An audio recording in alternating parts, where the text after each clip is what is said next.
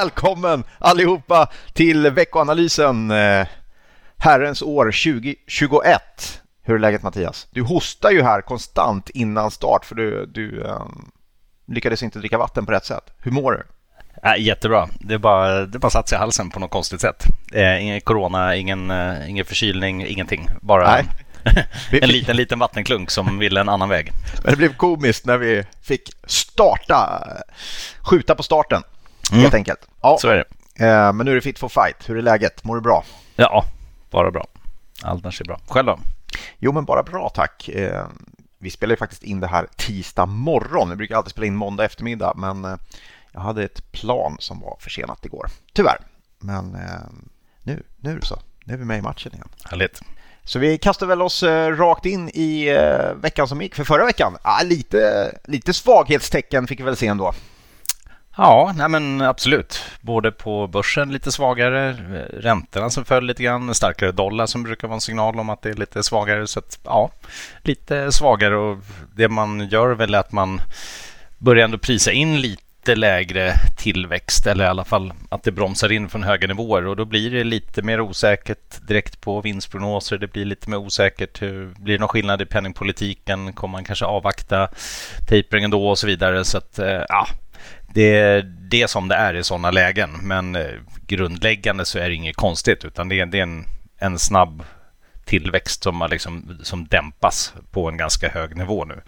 Eh, och eh, jag menar, faller räntorna igen så det, ja, det är väl jättebra återigen för att investera i allt som har med riskfyllda tillgångar att göra. Så att, eh, ja, jag är egentligen inte så oro, orolig att det kanske är lite sämre några dagar. Ja, det känns väl rimligt kanske till och med att det faktiskt får vara så ibland. Ehm, men som du säger, nej, de grundläggande förutsättningarna, de, de ser ju riktigt bra ut fortsatt ändå, eller hur? Ja, ja, alltså eh, absolut. Det öppnar ju upp och så vidare. Men eh, samtidigt så vissa, ja, vissa saker från eh, pandemin sitter ju självklart kvar. Och eh, vi har ju fortfarande störningar i leveranskedjor. De kommer tillbaka till viss del i vissa länder där det kanske stängs ner på nytt. Eh, och så får vi väl se. Det kommer ju självklart bli någon slags ny oro inför nästa rapportsäsong om det, ja, om det påverkar eh, ut, eller, ja, beställningar och så vidare. Så att, eh, vi, vi får se. Men eh, en, eh, en liten större inslag, ett lite större inslag kanske av konjunkturoro och därmed kanske också lite mer svängningar, vilket ju ja, sådana här volatilitetssiffror brukar stiga lite grann när, när börsen faller. Och det, jag tycker det är helt rimligt med tanke på hur bra marknad det har varit fram tills nu. Att det skulle kunna komma en rekyl men att vi kanske sen faktiskt också har mer att ge på börsen framöver. Just det. Kom faktiskt från Italien, det där flyget som jag, jag flög in med och kan ju också konstatera att nej, vi är rätt långt kvar. Även om vi i Sverige har släppt på mycket så kändes det i Italien mm. som det är långt kvar till normalläge i samhället. Um, väldigt mycket restriktioner med green pass och munskydd och, och annat som helt klart dämpar aktiviteten i, i ekonomin i Italien och många andra länder i Europa. Mm. Eh, vi har ju faktiskt ett steg till eh, när allt släpper som borde kunna ge en bra skjuts i ekonomin tycker man. Mm. När det väl är dags för det. Eh, vi får väl se. Ja, vad hade vi i Sverige? Ja, där hade vi ju faktiskt eh, lite lite brus kring EQT förstås, för det dök ut ett gäng EQT-aktier trots lock-up. Ehm, och eh, mycket kritik kring det, men också positivt för aktien om vi ska kika på den så är det faktiskt bra. Det finns någonting som är helt rätt det QT säger och det är ju att free float som man brukar säga eller tillgängliga aktier för aktiemarknaden har varit väldigt låg i e, just EQT och eh, ur, ur den synvinkeln måste jag säga att det faktiskt är väldigt bra att det kommer ut mer aktier som kan handlas. Det är bara positivt för den aktien. Jag kan ju säga det att eh, det är ju, om, man, om, vi pratade ju för någon vecka sedan om det här med att nordiska aktiefonder inte presterar i år och EQT är ju en av anledningarna. Eh, att det är extremt dålig free float, att stora fonder inte fått tilldelning i IPOn som var. Och sen har ju aktien rusat och man har inte velat köpa på sig heller. Aktien är ju upp över 90 procent i år så det är, ju, ja. det är ju någonting som har kostat rejält att inte äga precis på motsvarande sätt som, som Evolution Gaming som ju av många är exkluderat på grund av etiska skäl snarare. Men mm. eh, det, är, det är två bolag som, som varit tufft för många fondförvaltare i år. Just det. Den utvecklingen. Ja, Assa Abloy, eh, storförvärv. Det är ju inte helt ovanligt med Assa Abloy att de förvärvar förstås, men det här var en riktig rökare. 37 miljarder kronor betalar man för amerikanska HHI. Eh, bra, makrostatistik då. Är det eh, favoritsentimentsindikator? Är det tyska SEV, säger man så? Ja, på tyska blir det snarare SEV. SEV, är, är, det din, är det det som ligger dig närm, varmast om hjärtat? Närmast Ah. Varm, varmst. Eh, Det vet jag inte. Det finns ju IFO också, men Ja, men det är något av dem. det finns många sådana såna sköna eh, tyska indikatorer så, Mm. som har extremt långa begrepp när man väl eh, när man väl tittar på vad förkortningarna innebär. Men eh, SEV i alla fall då som ju visar ju faktiskt en lite dämpad bild av både nuläge och framtidsutsikter. Och eh, tittar man på framtidsutsikterna så föll de faktiskt från, till 26 från 40 ungefär. Och nuläget steg i och för sig till 31,9 men det var ändå lägre än prognosen på 33. Så där ser vi faktiskt den här avmattningen som vi pratade om förr lite grann från, från höga nivåer. Eh, och de här indexerna är ganska bra. De är ledande för, för tillväxt och så vidare och har ganska starkt samband med, med tillväxtdata som kommer in. Så att, eh, ja, lite intressant att hålla koll på ändå. Sen hade vi det här Beige Book i USA. Eh, lite av, avtagande aktivitet som meddelas även där. Det är ju sammanställningen över Fed-distriktens ekonomiska utveckling. Eh, det nämnde vi förra veckan att det skulle komma. Och sen Mm. så hade vi ECB, Europeiska centralbanken under veckan som ju lämnade styrränta och tillgångsköp oförändrad. Men takten i tillgångsköpen justeras något ned och det här gör man ju då eh, över tid lite anpassningar hela tiden. Eh, PPI, amerikansk producentprisindex, eh, lite högre än väntat så det är ju också på marginalen då kanske en negativ tolkning. Eh, men jag skulle inte säga att det påverkar centralbanken på något sätt. 0,7 procent är ju fortfarande lågt och förväntningar på 0,6. Men så att för Fed och så vidare så var det egentligen inga siffror som kom in som förändrar förutsättningarna utan det man ändå kan fortsatt se är ju att de utvecklade marknadscentralbankerna är sammantaget väldigt försiktiga fortsatt, mycket stimulativa. Medan på tillväxtmarknaden där har vi en helt annan situation. Till exempel förra veckan så hade vi ryska centralbanken som höjde styrräntan och det är ju inte enda det. landet som har gjort det. Så det är lite skillnad mellan dem. Bra, då kan vi ju hoppa in kanske lite grann i, i den här veckan. Har vi kollat lite grann på varför man ska äga amerikanska aktier. Eh, jo, därför de helt enkelt tjänar mer pengar än, än, eh, Enkelt. än världen i övrigt. Det är så enkelt. Eh, kanske inte riktigt så enkelt, men det är klart att eh, det spelar roll, för det har vi kikat på. De har en eh, klart högre lönsamhet i nästan alla sektorer. Precis. Det, tittar man på eh, avkastning på eget kapital och jämför USA med världen ex USA så att säga. Och så tittar man senaste eh, fem års snitt så är det egentligen bara energibolagen där man ligger lite lägre. Annars har man högre lönsamhet. Och det är ju framförallt i, i techsektorn. Där har man en avkastning på eget kapital som är 8 procentenheter högre än resten av världen. Så att det är ja, det är, de är duktiga, produktiva. Mm, helt klart.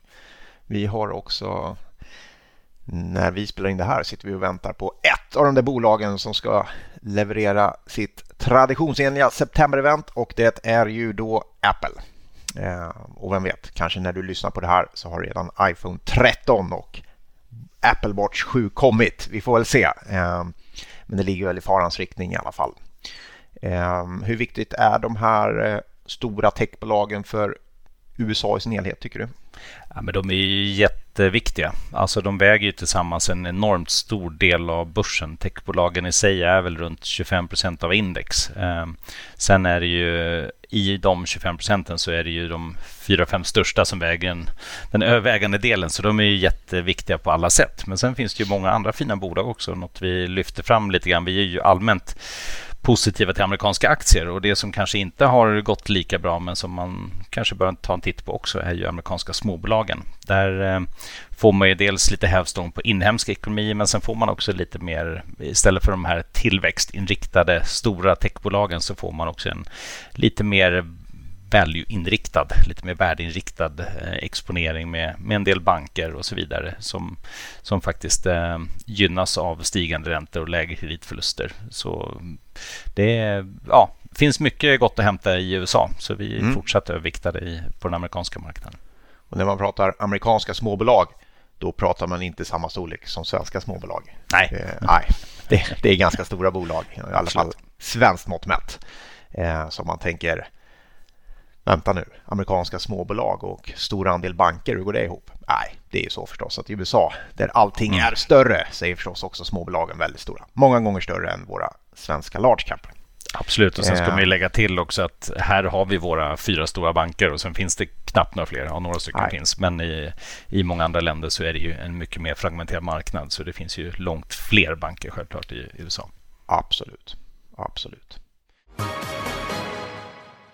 Bra, makrostik eh, makrostatistikmässigt. Eh, makrostik, jag kom på en eget ord där, det är mycket smartare. Det är lättare att säga, makrostik. Du, makrostatistikmässigt, vad, vad ska vi hålla koll på den här veckan? Ja, men det kommer lite inflationsstatistik från USA. Eh, självklart viktigt nu när vi fått in sysselsättningsrapport. Ehm, vi får svensk inflation också faktiskt. Eh, väntas komma in på 1,7 procent. Amerikanska på 5,3 så där har vi faktiskt ganska stor skillnad. Även europeiska mm. ligger ju kring drygt 3. Svenska på 1,7 men där är ju som sagt vad är riktig inflation, vad är baseffekter och så vidare. Men det. men det är höga inflationssiffror vi ser nu och det finns en liten risk att en del av det inte är bara Eh, baseffekt utan det kanske ligger kvar också. Vi, det får vi se. Mm. Men, ehm, men i alla fall förväntningarna i USA 5,3, svensk inflation på 1,7 eh, och sen får vi också detaljhandeln från USA eh, och den får vi se. Det finns en risk att vi börjar se lite mer dämpat humör bland amerikanska hushåll ehm, och det det ser vi på många håll och kanter. Det har varit en väldigt, väldigt bra situation för dem. Så får vi se om det kan hålla i sig. Ja, en eh, ökande inflationstakt, om den ligger kvar i USA på den, eh, kanske inte på den här nivån, men ändå på en hög nivå, men vi inte får det i Europa, hur eh, tror du det kommer påverka räntorna då? Kommer vi ändå dras med om USA tvingas höja räntorna eller kommer ja, vi kunna spreada isär? Ja, alltså I teorin så blir det ju ökade räntedifferenser då, men jag tror nog att det, det blir svårt. Alltså om mm. USA ser eh, höjd inflation och då skulle eh, höja räntorna kraftigt. Nu, nu är det inte så i förväntan på något sätt, men om man skulle börja höja räntorna, ja, men då är jag nog ganska säker på att många hakar på. Eh, så det, det hänger ihop. Det är så pass globaliserat självklart. Eh, men eh, det inte, skulle inte förvåna om USA ligger först i den cykeln. Det har man gjort många gånger tidigare. Nej. Så det kan bara absolut vara någon lagg på kanske något halvår eller någonting innan någon annan hakar på. Just det. Ja, bra. Aktiemarknaden, en väldigt lugn vecka. Eh, onsdag har vi Inditex som kan vara lite spännande. Vi kommer också få lite försäljningssiffror från Hennes Mauritz tror jag på onsdag. Eh, det kan vara kul. Eh, sen har vi ju Kjell Company har vi pratat om tidigare. Kommer in på First North på torsdag. Någonting annat du tycker vi ska plocka med oss från den här veckoanalysen innan vi tackar för idag? Ja, men det som är lite intressant är att vi sa att det var lite svagare börs. Det gick väl ner mm. typ 1 procent ja. förra veckan på världsnivå. ja. men, men så, så farligt är det faktiskt inte. Och tittar Nej. vi på förra veckan, alltså för förra veckans vinnare, eh, som vi pratade om förra veckan, Japan, så var det ju faktiskt Japan som gick bra förra veckan igen. Medan då USA, Europa, Sverige gick lite svagare. Och sen är det ju också, vi hade ju den här nedgången var ju slutet på veckan och dessutom så hade vi nu måndag igår som det också var lite svagt. Så att det, det är en lite, lite försvagad trend, men det är långt ifrån, eh, långt ifrån eh, att det är någon stor, större nedgång. Det man kan eh, titta på som är lite intressant, som jag bara tänkte ta upp i övrigt, är ju att jag kikat lite på flöden. Mm. Eh, och då är det alltså flöden från fonder, institutioner och annat, alltså flöden till aktie och räntemarknad och så vidare. Och det som är intressant, sambandet mellan det och eh, nedgångar. Och självklart blir det lite en hönan ägget diskussion här. Vad, vad, leder till vad så att säga? Eh, för att det blir nedgångar om, om folk tar ut pengar från marknaden. Men ja. jag tycker det är lite intressant om man tittar på globala aktiefonder så har vi haft ett extremt brant inflöde under året. Eh, det hade vi inte under de senaste två åren trots att faktiskt börsen har varit eh, helt okej. Okay. Eh, men vi har nu haft en brantare nästan någonsin och vi ligger också på nivå rent totalt i belopp sett som överstiger tidigare toppar. Och vad har det då hänt vid tidigare toppar? Ja, nästan alla gånger så har det då eh, kommit en nedgång kring 10% eller större. Eh, så att det, det, någonstans så finns det ändå ett, ett samband som gör att man kanske bör oroa sig för att det skulle kunna komma en, en rekyl på den här nivån om man bara tittar på flöden. Men sen ja. finns det många detaljer i det här som är lite intressanta. Och det är eh, att många av de fonder som, eh, som den här sammanställningen visar har en extremt mycket högre aktieallokering jämfört med historiskt. Eh, ja. Det ligger liksom i 90 percentilen eller högre eh, om, man, om man tittar både USA och Europa. Och Det andra är också att det har varit väldigt stora inflöden i large cap, i just stora bolag, inte småbolag. Det har varit mm. sämre än länge, länge tillbaka. Så att, eh, det är intressant och även om man tittar faktiskt på räntemarknaden så är det ju så att det har varit utflöden ur korta penningmarknadsfonder vilket verkar troligt. Men de totala tillgångarna är faktiskt ökande fortsatt. Mm. Eh, så att, ja, det finns några intressanta detaljer när man tittar på flödesstatistik. Så mm. eh, Spännande. Jag. Och eh, som man kanske också ska vara lite ja, lite försiktig med om man tänker på eventuell nedgång som kan komma. Så när det varit så här pass starka flöden då finns det alltid en större risk att, det, att den eventuella rekylen blir större. Självklart. Mm.